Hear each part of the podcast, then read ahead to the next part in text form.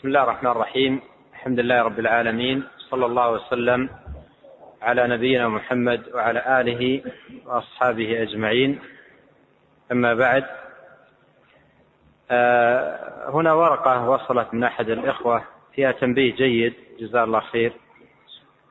آه، سبق أن مر معنا قول الله عز وجل آه، ولقد نعلم أنهم يقولون إنما يعلمه بشر لسان الذي يلحدون إليه أعجمي وهذا لسان عربي مبين.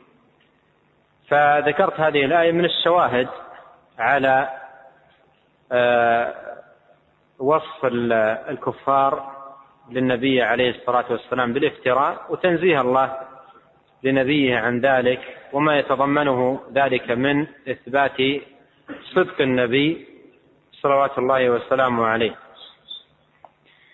وكنت أشرت في أثناء التعليق على الآية إلى أن المراد بقوله لسان الذي يلحدون إليه أعجمي أن المراد به بحيرة الراهب. وهذا الذي كان في ذهني فأخونا جزاه الله خير رجع إلى كتب التفسير فما وجد أن ما يدل على أن المراد به بحير الراهب. فذكر آه، أن الذي في كتب التفسير أحد الأقوال أنه غلام رومي من العبيد. والقول الثاني عبدان آه، نعم. فذكر قولين أنا رجعت أيضا كذلك إلى كتب التفسير فما وجدت بحير الراهب. وجدت قولا ثالث أيضا إضافة إلى القول الذي ذكر الأخ وهو قول سلمان إلى سلمان الفارسي. هذا ذكره في الدر المنثور. فجزاه الله خير على هذا التنبيه. وذكر أخونا أيضا تنبيه آخر يتعلق بضبط الأبيات أبيات المنظومة. في أحد الأبيات فهم الذين قد أخلصوا يعني قد أخلصوا عليها همزة.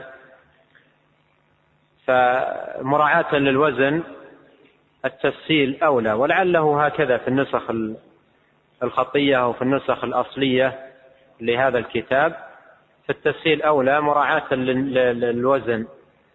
فهم الذين قد أخلصوا فهم الذين قد قد أخلصوا في مشيهم. متشرعين بشرعة الإيمان.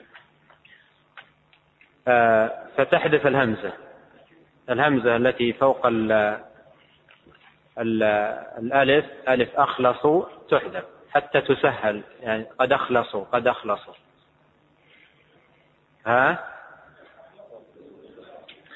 أي نعم هذا مراعاة ل يعني ضرورة الشعر من أجل مراعاة الوزن. هذا يأتي كثير. قد أخلصوا وهم الذين قد قد أكثروا. ما في ها؟ في الكتاب ما في واو. ما في همزة؟ ما في واو. واو. أيوة الواو ساقطة. كم كم رقم البيت هذا؟ هم الذين؟ 64 شيخ. 64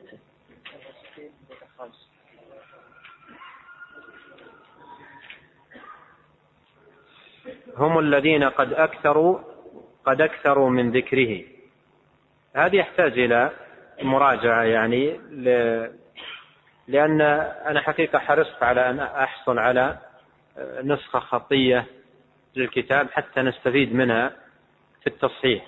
وفي بعض قراءاتنا لكتب الشيخ رحمه الله كنت أحصل أحيانا على نسخ خطية للكتاب وكنا نستفيد منه استفادات جيدة في التصحيح لأنه تأتي أخطاء من الطباعين ومن النساخ. فتقف على النسخة التي بيد بخط الشيخ تجدها سليمة.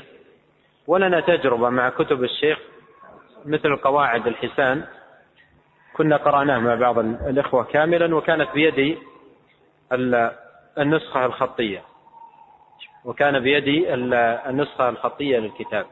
فلعل إن شاء الله إذا حصلت على نسخة خطية أبلغ الإخوة يعني يعطونكم مثل التصويبات تستفيدون منها. فلعل الله عز وجل ييسر وأشكر الأخ جزاه الله خير صاحب هذه التنبيهات. والله أعلم وصلى الله وسلم على نبينا محمد. الآن ندخل في موضوعنا. الميكروفون غير واضح؟ أقربه.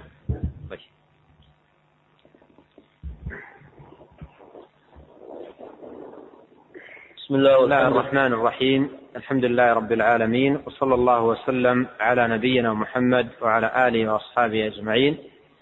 فنواصل مستعينين بالله عز وجل القراءة في كتاب الشيخ عبد الرحمن بن سعدي المتعلق بالمنظومة آه، التي في السير إلى الله والدار الآخرة. نعم. بسم الله والحمد لله وصلى الله وسلم على نبينا محمد وعلى آله وصحبه أجمعين. أما بعد فيقول الشيخ رحمه الله عزفوا القلوب عن الشواغل كلها قد فرغوها من سوى الرحمن. حركاتهم وهمومهم وعزومهم لله لا للخلق والشيطان. أي فرغوا قلوبهم عن جميع ما يشغل عن الله ويبعد عن رضاه.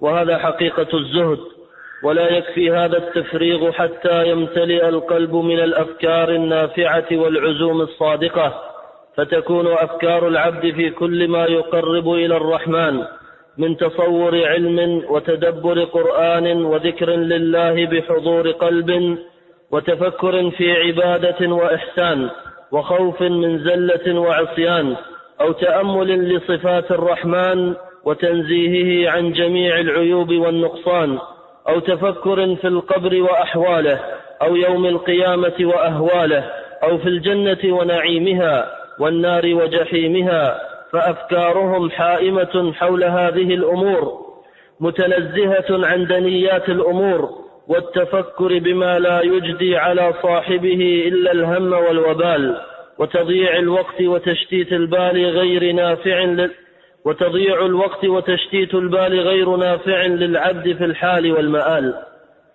ثم ذكر الشيخ رحمه الله في هذين البيتين آه، شيئا من أوصاف السائرين إلى الله جل وعلا والدار الآخرة. فقال عن هؤلاء السائرين عزفوا القلوب عن الشواغل. عزفوا القلوب عن الشواغل. والشواغل اسم جامع لكل ما يشغل القلب ويصرفه عما خلق له ووجد لتحقيقه. فهؤلاء السائرون إلى الله عزفوا قلوبهم عن كل ما يشغلهم عن كل ما يشغلهم عما خلق القلب له من توحيد لله وذكر له. فهذه الشواغل وهي لا تحد ولا تعد ولا تحد بقلوبهم وابتعدوا بقلوبهم عن كل شاغل. فكلما جاءت الشواغل إلى قلوب هؤلاء طردوها. وكلما جاءت الخواطر الرديئة والأفكار السيئة أبعدوها من قلوبهم. عزف القلوب عن الشواغل كلها. قد فرغوها أي, قلوب أي, أي قلوبهم من سوى الرحمن أي جعلوا قلوبهم فارغة من سوى الرحمن أي سوى ذكر الله وتعظيمه والتأمل في آياته ومعرفة أمره ونهيه ونحو ذلك مما دعا عباده تبارك وتعالى لشغل القلوب به. فهم عزفوا القلوب عن الشواغل كلها قد فرغوها أي قلوبهم من سوى الرحمن. حركاتهم وهمومهم وعزومهم لله. يعني هذه الأمور كلها عندهم لله عز وجل. حركاتهم من قيام وقعود وذهاب ورواح وسفر وحضر آه، كل ذلك كل حركة عندهم لله. إذا قام قام لله وإذا جلس جلس لله وإذا ذهب ذهب لله. حركاتهم كلها لله. كما قال عليه الصلاة والسلام من أحب لله وأعطى لله ومنع لله وأبغض لله فقد استكمل للإيمان. فحركاتهم وهمومهم أي ما يهتم ما تهتم به قلوبهم هو لله. يهتم بما يرضي الله ما يقرب من الله ما يبعد من سخط الله. هذه هذه همومهم. وهمومهم وعزومهم. جمع عزيمة. فما يعزم عليه المرء. والعزيمة قد تكون عزيمة على على على رشد وقد تكون عزيمة على غير ذلك. والعزيمة على الرشد هي خير العزيمة.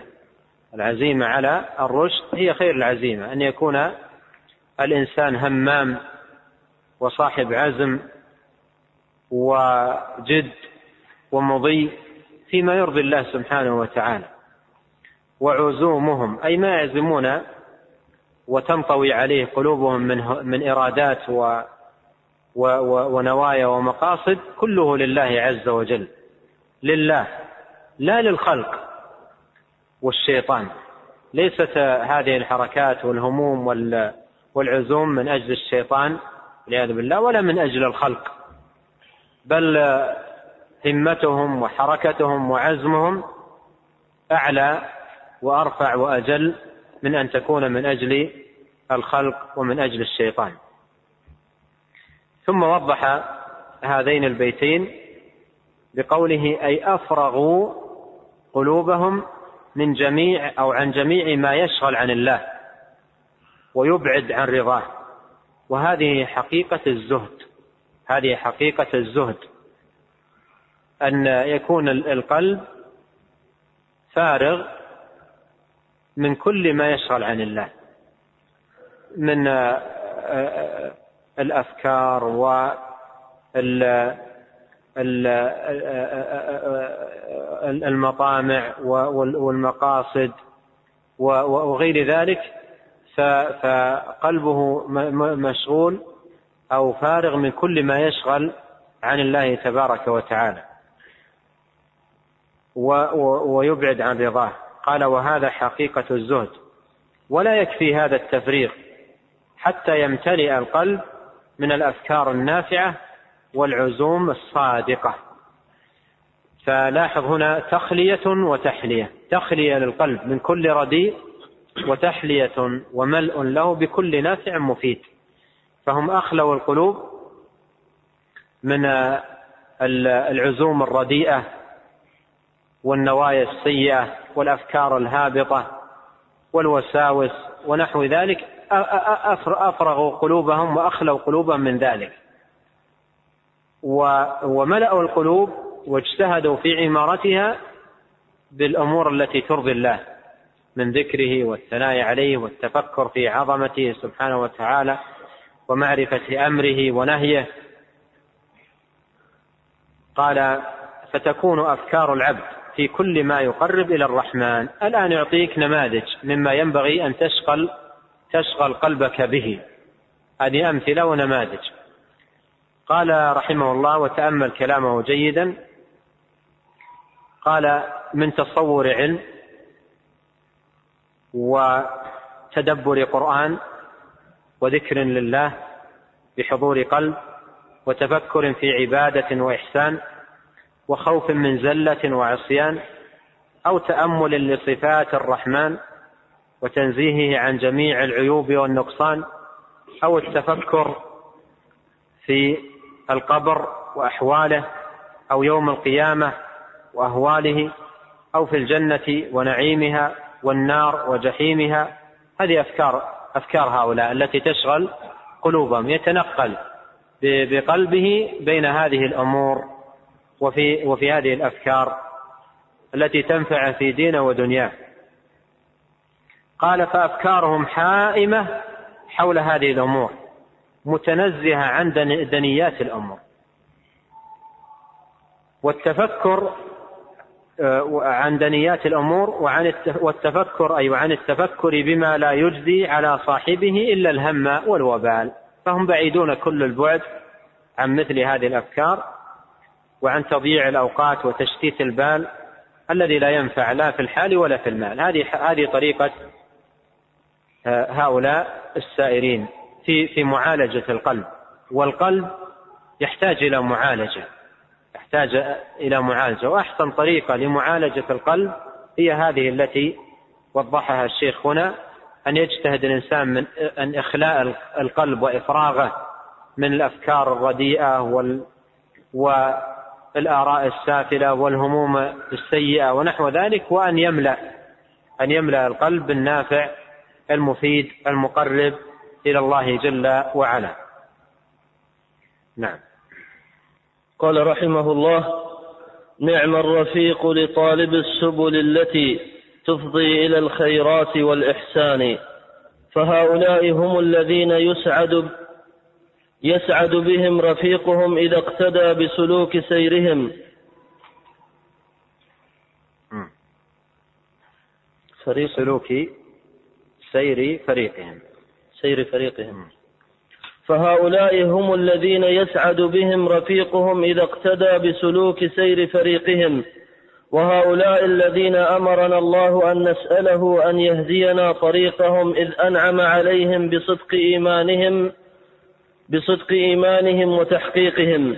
لما ذكر الشيخ رحمه الله في هذه المنظومة صفات السائرين إلى الله وذكر منازل السير إلى الله وذكر أوصاف هؤلاء وصفا وصفا ختم بهذا البيت الجميل بالثناء على أهل هذه الصفات وأنهم نعم الرفيق لمن ظفر بهم نعم الرفيق لمن آه، ظفر بهم. كما قال الله تعالى وحسن أولئك رفيق.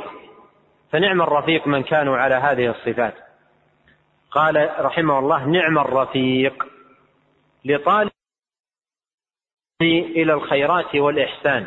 أي إذا أردت لنفسك رفقة صالحة تفضي بك إلى الخيرات والإحسان فعليك بمثل هذه الرفقة. ابحث عنهم والزمهم وتعاون وإياهم على البر والتقوى. قال الله تعالى واصبر نفسك مع الذين يدعون ربهم بالغداة والعشي يريدون وجهه.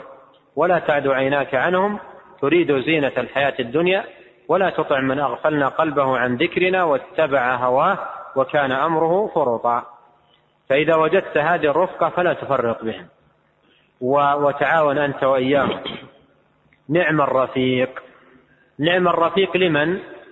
قال لطالب السبل التي تفضي إلى الخيرات والإحسان. أي إذا أردت لنفسك الخير في الدنيا والآخرة وسلوك سبيل الإحسان والسلامة من الشر والآفات فعليك بمثل هذه الصحبة وعليك بمثل هذه الرفقة. فهم نفع نعمة الرفيق. وقد قال عليه الصلاة والسلام المرء على دين خليله فلينظر أحدكم من يخالل. وهذا أيضا باب عظيم تنبه له هؤلاء السائرون إلى الله أنهم لا يصاحبون كل أحد ولا يمشون مع كل من هب ودب وإنما يمشون مع مع من في المشي معهم غنيمة وفي السير معهم ربح وفوز. أما من يؤثر على صاحبه ويأخذ به إلى سبل الردى ومسالك الضلال فهذا ليس في صحبته إلا كل شر ووبال. والواجب على على الناصح لنفسه أن يتنبه لمسألة الفقه في الرفيق فيختار من الرفقاء من يعينونه على طاعة الله وما يقرب إليه سبحانه وتعالى. قال في الشرح فهؤلاء يعني أهل هذه الصفات هم الذين يسعد بهم رفيقهم.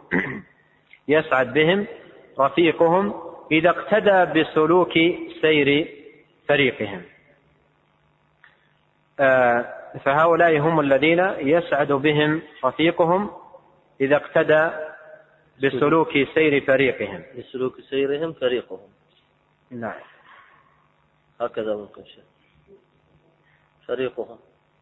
إذا اقتدى بسلوك سير فريقهم أنا يعني يغلب على ظني أن هم هذه زائدة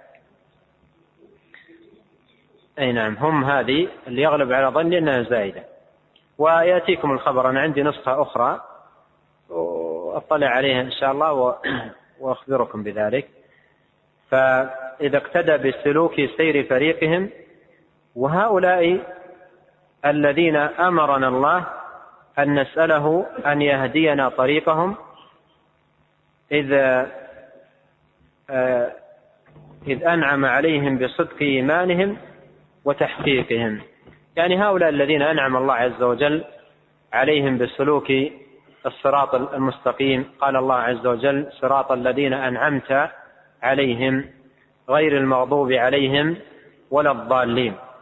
فهؤلاء نعم الرفيق لكن ينتفع بمرافقتهم وصحبتهم من يسلك سير هذا الفريق. مجرد الصحبة ما تكفي. لا بد من سلوك سير هؤلاء هذا الفريق بأن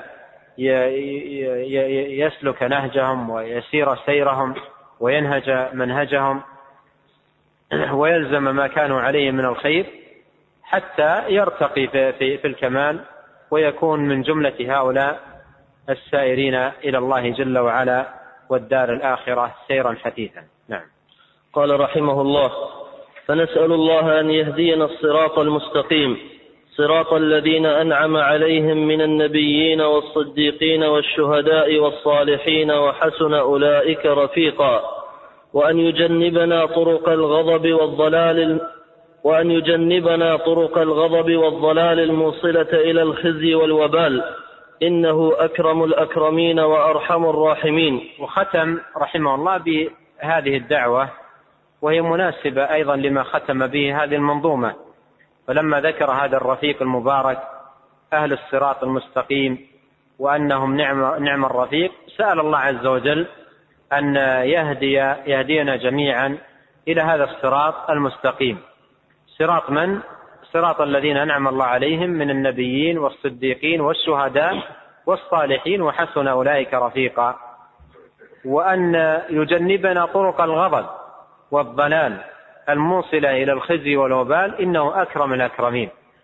وهذا فيه تنبيه إلى أن العبد يحتاج إلى سؤال الله عز وجل أن يهديه الصراط المستقيم وأن يثبته عليه وأيضا يسأل الله عز وجل أن يجنبه سبل الغواية وطرق الضلال وهي كثيرة. نعم. قال والله أسأل وبأسمائه الحسنى وصفاته ونعمه أتوسل ألا يحرمنا خير ما عنده من الإحسان والغفران بشر ما عندنا من التقصير بحقوقه والعصيان وأن يجعله خالصا لوجهه الكريم وسببا للفوز عنده في جنات النعيم. ثم ذكر هذه الدعوات المباركة العظيمة أيضا آه، وبدأها بقوله والله أسأل وبأسمائه الحسنى وصفاته ونعمه أتوسل. والتوسل بأسماء الله وصفاته آه، هو هو ما أمر الله تبارك وتعالى به في قوله ولله الأسماء الحسنى فادعوه بها فادعوه بها. وأيضا قول الله تعالى قل ادعوا الله أو ادعوا الرحمن أيما تدعو فله الأسماء الحسنى. فهذا توسل شرعه الله تبارك وتعالى. والتوسل بالنعم التوسل بالنعم. قال وبنعمه أي وأتوسل إلى الله بنعمه. آه النعم هنا مصدر مضاف. إلى الله عز وجل. والمصدر إذا أضيف إلى الله سبحانه وتعالى المصدر إذا أضيف إلى الله سبحانه وتعالى إما أن يراد به الصفة أو أن يراد به أثر الصفة.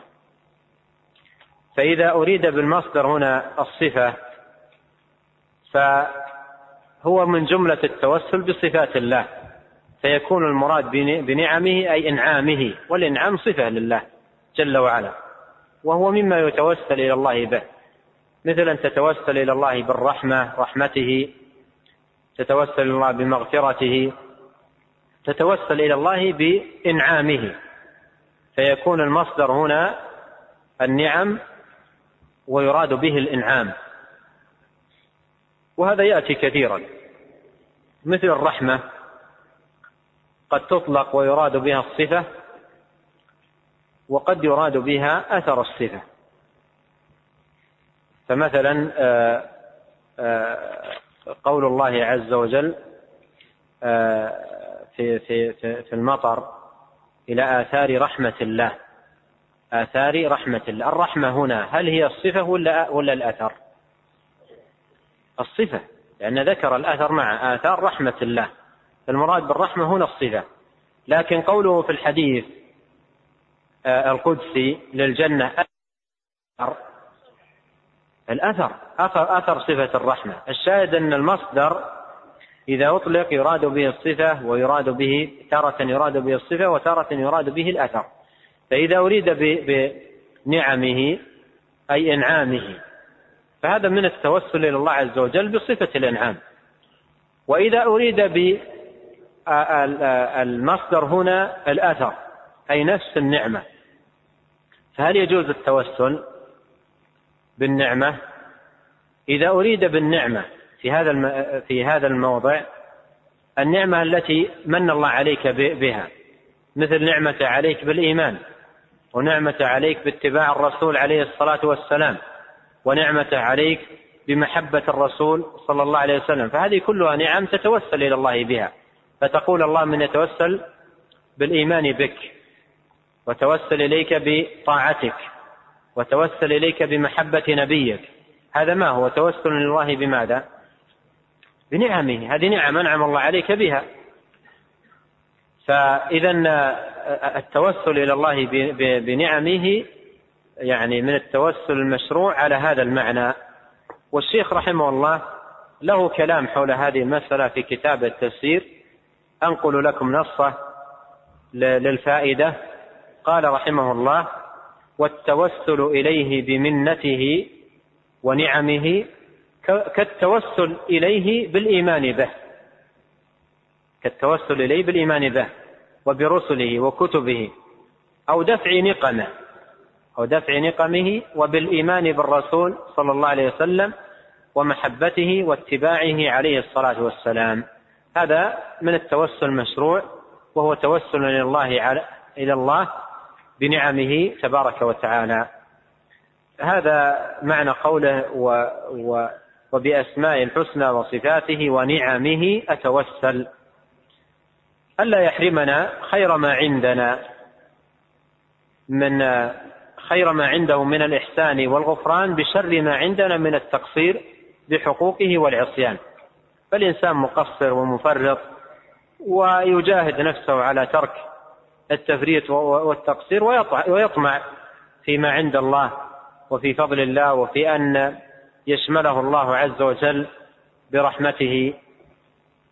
قال وأن يجعله خالصا لوجهه الكريم وسببا للفوز عنده في جنات النعيم.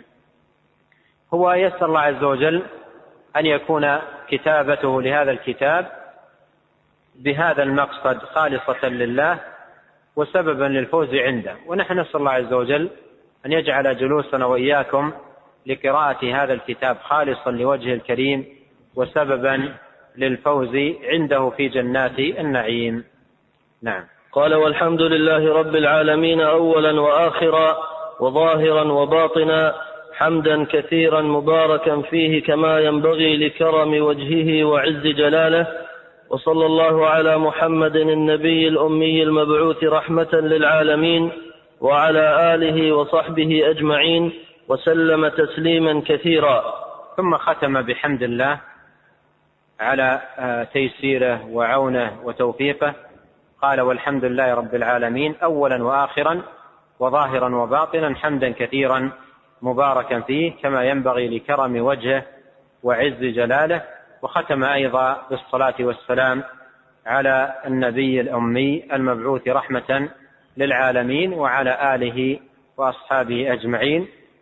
ثم قال قال مؤلفه رحمه الله فرغت منه ومن نسخه في الثالث من شعبان سنة ثلاث وثلاثين وثلاثمائة وألف وقد تم بقلم الفقير إليه عبده عبد العزيز بن حمد المصيريع الثامن والعشرين من شوال سنة اثنين وأربعين وثلاثمائة وألف للهجرة. أشرت في بداية هذه المنظومة إلى أن الشيخ رحمه الله كان عمره أثناء تعليقه على هذا الشرح وفراغه منه 26 سنة. يعني كان عمره 26 سنة لما علق ولما كتب هذه الرسالة. وهي رسالة كما رأيتم قيمة ونافعة. ومن الله عز وجل علينا وعليكم بالجلوس للمذاكرة حول هذه الرسالة. واستفدنا كثيرا مما حوته من منازل السائرين وصفات السعداء.